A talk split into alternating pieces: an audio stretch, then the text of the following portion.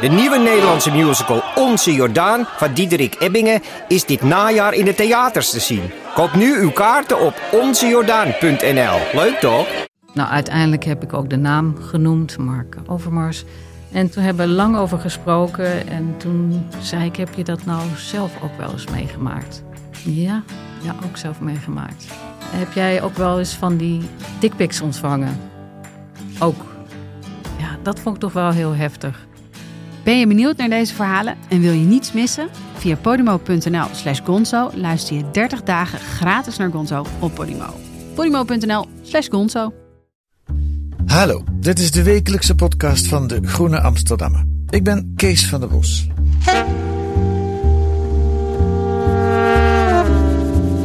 En vandaag krijg je een hoopvol gesprek. Is er een Oost-Europese lente aan de gang? Hoe kan het dat de progressieve Susanna Kaputova, Kaputova moet ik zeggen? Chaputova. Chaputova, een gescheiden moeder van twee puberdochters, vorige maand de presidentsverkiezingen won in Slowakije? En waarom won de acteur Zelensky afgelopen weekend de presidentsverkiezingen in Oekraïne? Wat voor progressieve bewegingen zijn er in Tsjechië, Roemenië, Servië en zelfs Hongarije? Rutger van der Hoeven, buitenlandredacteur voor De Groene, ging er kijken. En nu zit hij tegenover me om daarover te vertellen. Dag Rutger. Goedemiddag. Is er echt iets aan de hand in Centraal-Europa? Of tel je hoopvol een aantal ontwikkelingen bij elkaar op die samen toch nog maar een hele kleine minderheid zijn? Nou, ik denk allebei. Als je kijkt naar de verkiezing die je net noemde van Susanna Chaputova, dan is er duidelijk iets aan de gang. Dit is een dame die vijfde stond in de peilingen of zoiets toen de verkiezingsrace begon. Uh, haar partij is heel klein. In een lijstverbinding is die 10 à 11 procent. Maar zij wist toch in, in korte tijd energie aan te boren en, en heel veel mensen aan te spreken. En dat um, haakte duidelijk in op uh, protesten die er daarvoor waren geweest. En zij werd verkozen met een, uh, met een grote meerderheid. Dus je kunt in Slowakije in ieder geval is er duidelijk iets aan de gang. En als je dat verbindt met andere ontwikkelingen in andere landen die er aan de gang zijn, dan kun je een, uh, een, ja, een verhaal zien zoals ik dat zag. Daar moet wel bij worden gezegd dat, ik, ik schrijf het ook in mijn stuk, de regimes waar deze nieuwe bewegingen of nieuwe democratische energie zich tegen richt, die regimes die zijn erg sterk. En er is ook veel energie aan, uh, aan de andere zijde van het politieke spectrum. Ja. Bij populistisch of zelfs extreem rechts. Dus een, uh, een nieuwe lente, ik, uh, ik durf het nog niet te geloven, maar ik zie wel uh, hoopvolle dingen gebeuren, ja. Ja, en als het al een nieuwe lente is, dan is het na een verschrikkelijke koude winter. Hè? De, de, de, vanaf een jaar of tien geleden waait er een enorme populistische wind in die Centraal-Europese en ook Oost-Europese republieken. Ja, ik denk um, het hangt er vanaf hoe je daar tegenaan kijkt. Het is uh, een, een andere politieke richting die Centraal-Europa heeft genomen. Ja, of je dat verschrikkelijk vindt of niet, dat, dat hangt natuurlijk uh, in deel, deels van je politieke kleur af. Maar ik denk wel dat een aantal dingen die wij hier beschouwen als uh, afhankelijk van je politieke kleur, dat die in werkelijkheid ook uh, zaken verhullen in Centraal-Europa die, waar iedereen in Nederland het niet mee eens zou zijn. Regimes die, die erg gericht zijn op uh, patronage, op afromen van um, uh, Europese subsidies. ja, stelen eigenlijk, corrupt, corrupt zijn en die dat verkopen met een, een populistisch verhaal. En dat zie je inderdaad in een aantal uh, landen. De afgelopen tien jaar is Centraal-Europa een soort laboratorium genoemd voor ontwikkelingen die ook in, later in West-Europa zijn gebeurd. Een soort uh, rechtspopulistische afslag die de regio heeft, heeft genomen. Ja. Uh, onder aanvoering van, van Hongarije. En ik heb het idee dat ik daar nu inderdaad een, een ander soort beweging zie wie weet is dat ook weer deel van dat uh, democratisch laboratorium. Ja, nou als het dan een lente is, hè, laten we er voorzichtig over blijven spreken. Uh, voordat we op verschillende landen ingaan, wat is volgens jou de motor achter die algemene ontwikkeling?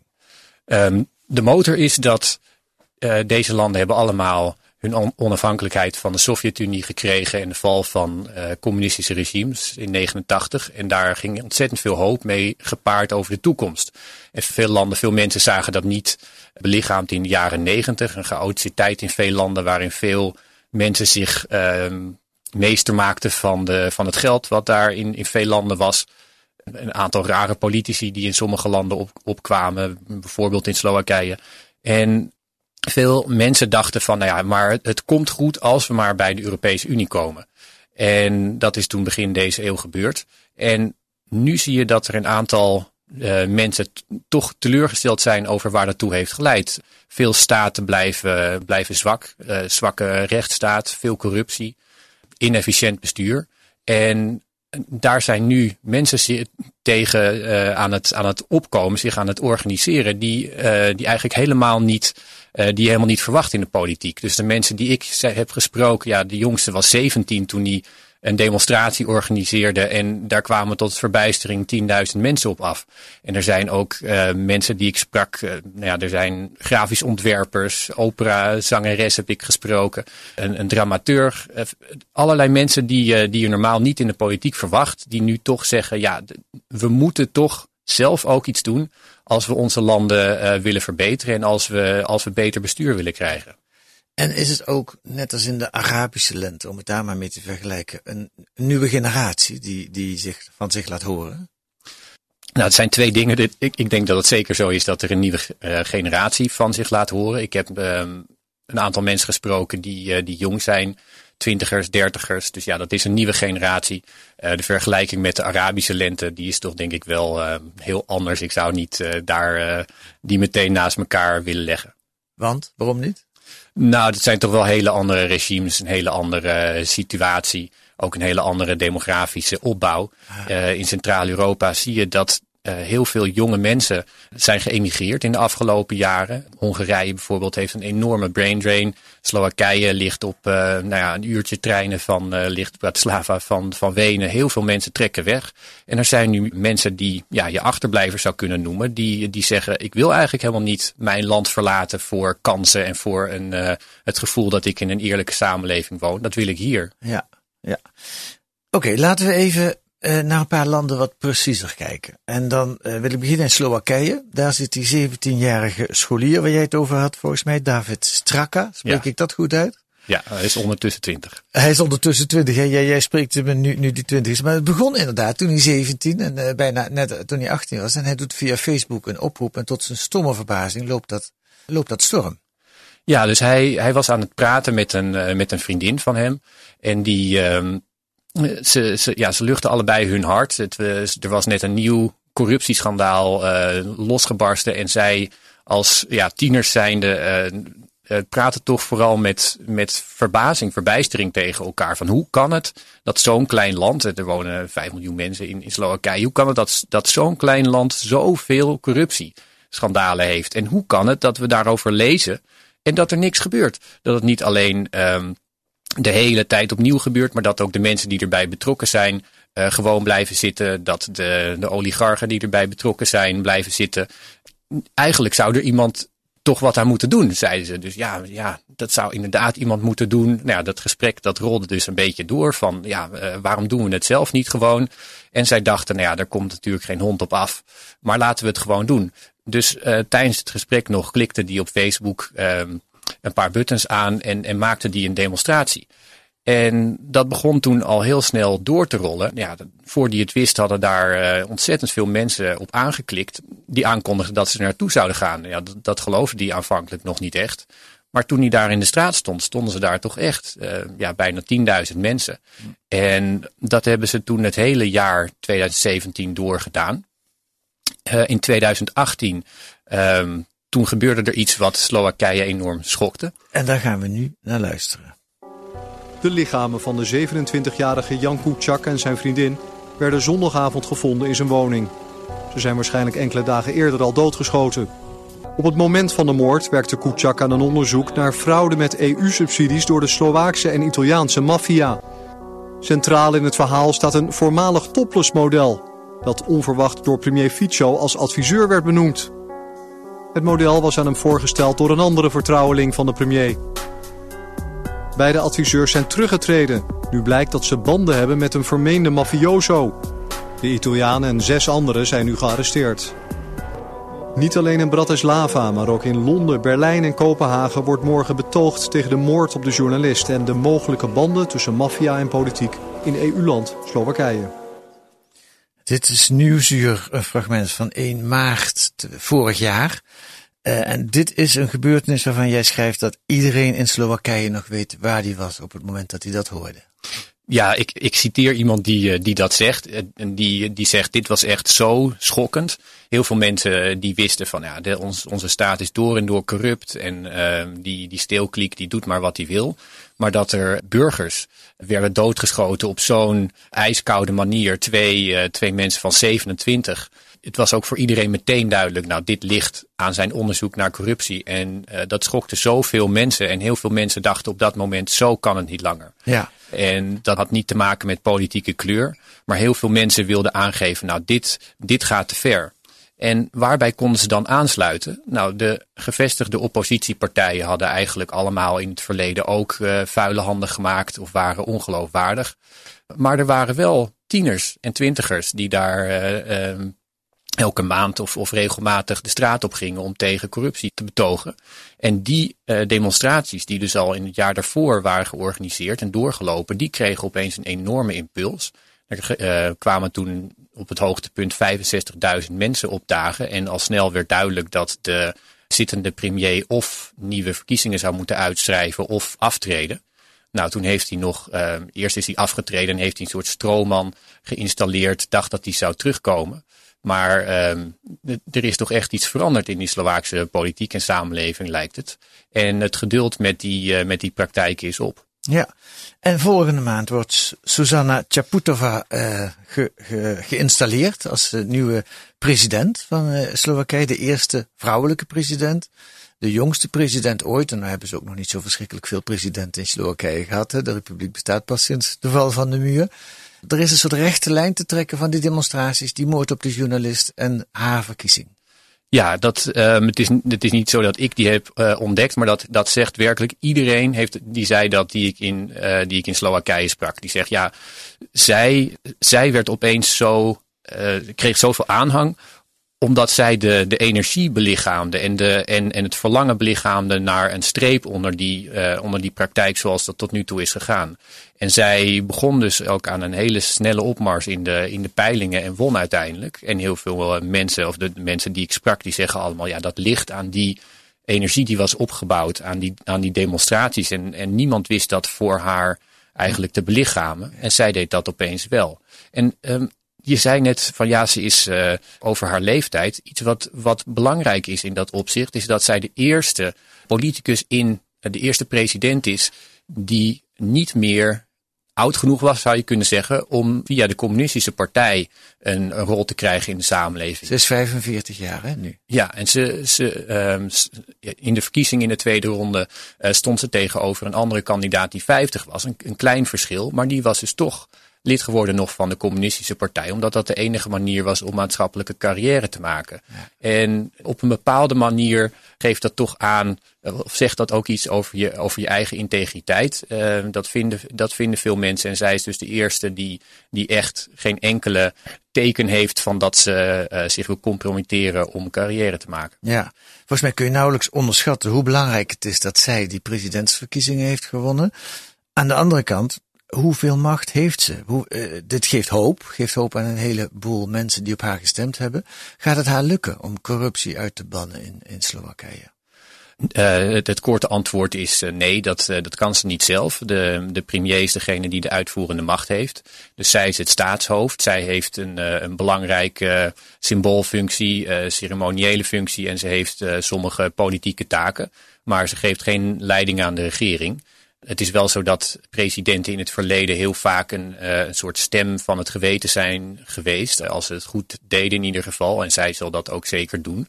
En zij kan wel door haar, door haar presentie en, en, en door de, de dingen die zij aankaart, kan zij de samenleving wel sturen op in zekere zin. Maar er komen in, in Slowakije eerst um, lokale en daarna nationale verkiezingen aan. En ja, dan zal moeten blijken of dit momentum zich doorzet. Ja, spannende tijden. Dat in elk geval. Volgende maand wordt ze geïnstalleerd. Um, Hongarije. Hongarije uh, ja, staat niet goed bekend. Orbán, beetje, beetje rare, schreeuwerige man. Die niet schroomt om de meest verschrikkelijke dingen over vluchtelingen te roepen. Uh, ook een beetje de aanvoerder van die populistische stromingen in, in Centraal-Europa. Jij sprak met oppositiebewegingen in Hongarije. En eentje daarvan, dat was wel een hele rare, de hond met de twee staarten. Vertel. Ja, nou ja, eerst over, over Orbán. Ik denk niet dat het een rare man is. Ik denk dat het een, uh, een slimme man is. Hij heeft uh, gestudeerd in, in Hongarije, in Engeland. Oorspronkelijk was hij heel kritisch ook. Hè, toen ja, was een echt een geloofwaardige uh, studentenleider. sprak zich uit tegen de Sovjetbezetting toen niemand dat, dat durfde. Maar ehm, ja, zijn regime is nu toch een, heeft zich wel geëvolueerd in een, ja, een, een soort van autoritaire kleptocratie met een, een hele sterke populistische saus eroverheen. En ik denk dat die wel in West-Europa vaak verkeerd wordt beschouwd. Maar goed. Hoezo? Hoezo? Wat, wat, wat, wat wordt er verkeerd beschouwd, denk je? Nou, dat, dat eigenlijk alles wat je van, uh, dat als je rechts bent, dat je, dat je denkt van nou, het is toch maar goed dat uh, Orbán bepaalde dingen zegt. En dat als je links bent, ja, dan vind je natuurlijk heel slecht, want je bent links. Maar zo, zo simpel ligt het niet. Als je voor, voor integer bestuur bent en voor, uh, voor werkelijke democratie, voor rechtsstaat, dan kun je niet voor het regime van Orbán zijn, ongeacht zijn politieke kleur. Ja, dat vond ik ook wel interessant. Dat schrijf je ook in je stuk. De, de tegenstelling is niet links tegen rechts, maar het gaat om mensen die voor een echte democratische rechtsstaat zijn, of mensen die de staat gebruiken om zichzelf te ver en hun, en hun familie te verrijken. Ja, ik, ik, ik denk dat het belangrijk is dat ik, uh, dat ik duidelijk maak dat het niet zo is dat, dat ik dat zeg, dat ik verklaar dat dat de waarheid is, maar dat zo zien die activisten zich die, die nu de politiek ingaan. Die, die zeggen uh, allemaal, ja, maar het gaat toch niet om links en rechts. Het gaat om pro-democratisch of antidemocratisch. En voor de rechtsstaat of tegen. En, en tegen corruptie of ja, zeggen dat je de corruptie gaat aanpakken, maar eigenlijk gewoon het systeem wil laten voortbestaan. En, en gewoon bovenop wil komen in dat systeem. Dat is het de onderscheid die die mensen zien. Oké, en dan nu de hond met de twee staarten. Ja, die hond uh, met de twee staarten. Dat is uh, uh, toch wel met, met afstand de leukste partij die ik heb gesproken. Een hele chaotische partij, een vreemde partij. Die kwam uit, voort uit een, ehm, de alternatieve kunstscene van Szeged en, en Budapest. En dat begon eigenlijk als een soort Hongaars loesje. Zij, zij maakte eerst posters en dat waren dan absurdistische posters waarop ze allerlei uh, belachelijke dingen beweerden. Ze beloofden gratis geld, ze beloofden bierstromen door de straat als ze werden verkozen. Twee zonsopgangen per dag. Twee zonsopgangen per dag, een portaal naar de ruimte. Nou ja, allemaal, um, het, allemaal dingen die ze, die ze op, die, uh, op die posters schreven om te spotten met alle loze beloften die de andere partijen deden op hun, uh, op hun verkiezingsposters. En natuurlijk in de eerste plaats de Fidesz-partij van Orbán. En die manier van, van ironie gebruiken om, om de politieke werkelijkheid aan te kaarten, die vond ik heel erg leuk en ook uh, vernieuwend.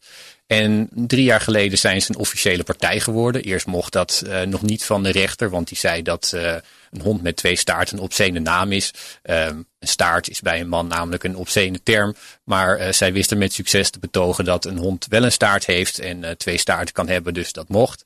En sindsdien doen ze allemaal hele ja, gekke, grappige, leuke dingen. Met impact?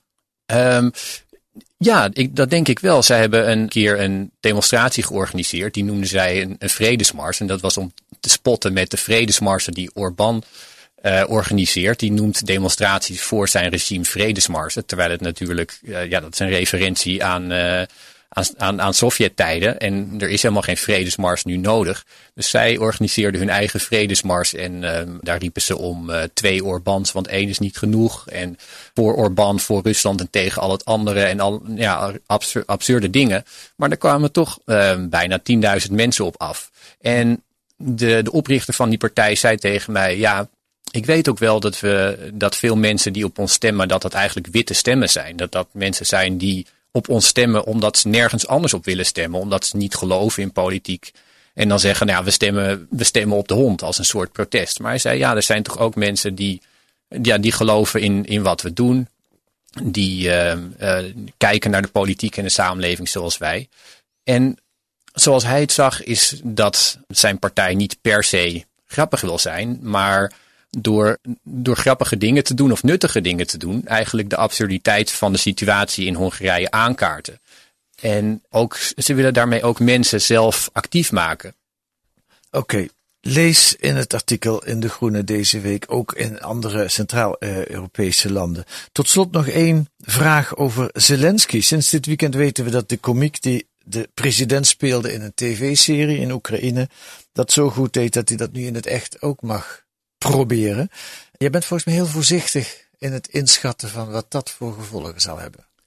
Ja, als je, als je Zelensky naast het, het plaatje legt wat ik heb geschetst in mijn, uh, in mijn artikel, dan past het daar heel mooi bij. Ik, ik refereer in mijn artikel ook aan uh, protesten die, uh, die nu al vier maanden aan de gang zijn in Servië. Er zijn nieuwe democratische bewegingen in Polen. In Roemenië heb je grote straatprotesten. dus er zijn in veel landen in die regio is er wat aan de gang. Dat wordt vaak gedragen door jonge mensen die verandering willen. En die Zelensky is ook zo iemand. Hij is 41 jaar, een komiek, heeft geen politieke banden. Dus ja, je, je zou kunnen zeggen, nou dat is, uh, dat is duidelijk ook zo'n soort beweging. Ja. Alleen, ja, ik blijf inderdaad voorzichtig, omdat uh, hij heeft zich zo vakkundig op de vlakte gehouden over wat hij wil en waar hij voor staat. En veel mensen die willen heel graag verandering. Maar hij heeft hele nauwe banden met een, uh, met een oligarch. Die een oligarch die een appeltje nog te schillen had met Poroshenko. De huidige uh, president. ja, die, die nu de macht heeft. Dus de vraag is een beetje, ja, hoe onafhankelijk is hij en, en wat wil hij eigenlijk? Als hij daar echt duidelijk zo, zichzelf zo vaag over blijft, ja, dan, dan ben ik toch een beetje voorzichtig. Ik hoop dat hij inderdaad zo'n hervormer is, die een streep wil zetten onder het uh, verleden. Maar ja, dat uh, durf ik nu nog niet zomaar te geloven. We gaan het volgen. Ik neem aan dat jij het voor ons gaat volgen. Dankjewel, Rutger van der Hoeven. Graag gedaan. Elke week kunt u analyses en achtergronden bij het nieuws horen in deze podcast van de Groene Amsterdammer. Deze week in De Groene ook een artikel van Rashid Elibol en Jaap Tielbeke over de herwaardering van Philomena Asset. Ze schreef 30 jaar geleden het boek Alledaags Racisme. Toen kreeg ze veel kritiek, maar nu wordt ze door een nieuwe generatie activisten op handen gedragen. Wilt u een proefabonnement op De Groene? Ga dan naar groene.nl slash mooi aanbod. 10 weken De Groene voor 15 euro. Groene.nl En volgende week zijn wij er weer. Deze week werd de Groene Podcast gemaakt door Jesse Riemersma en Kees van der Bos.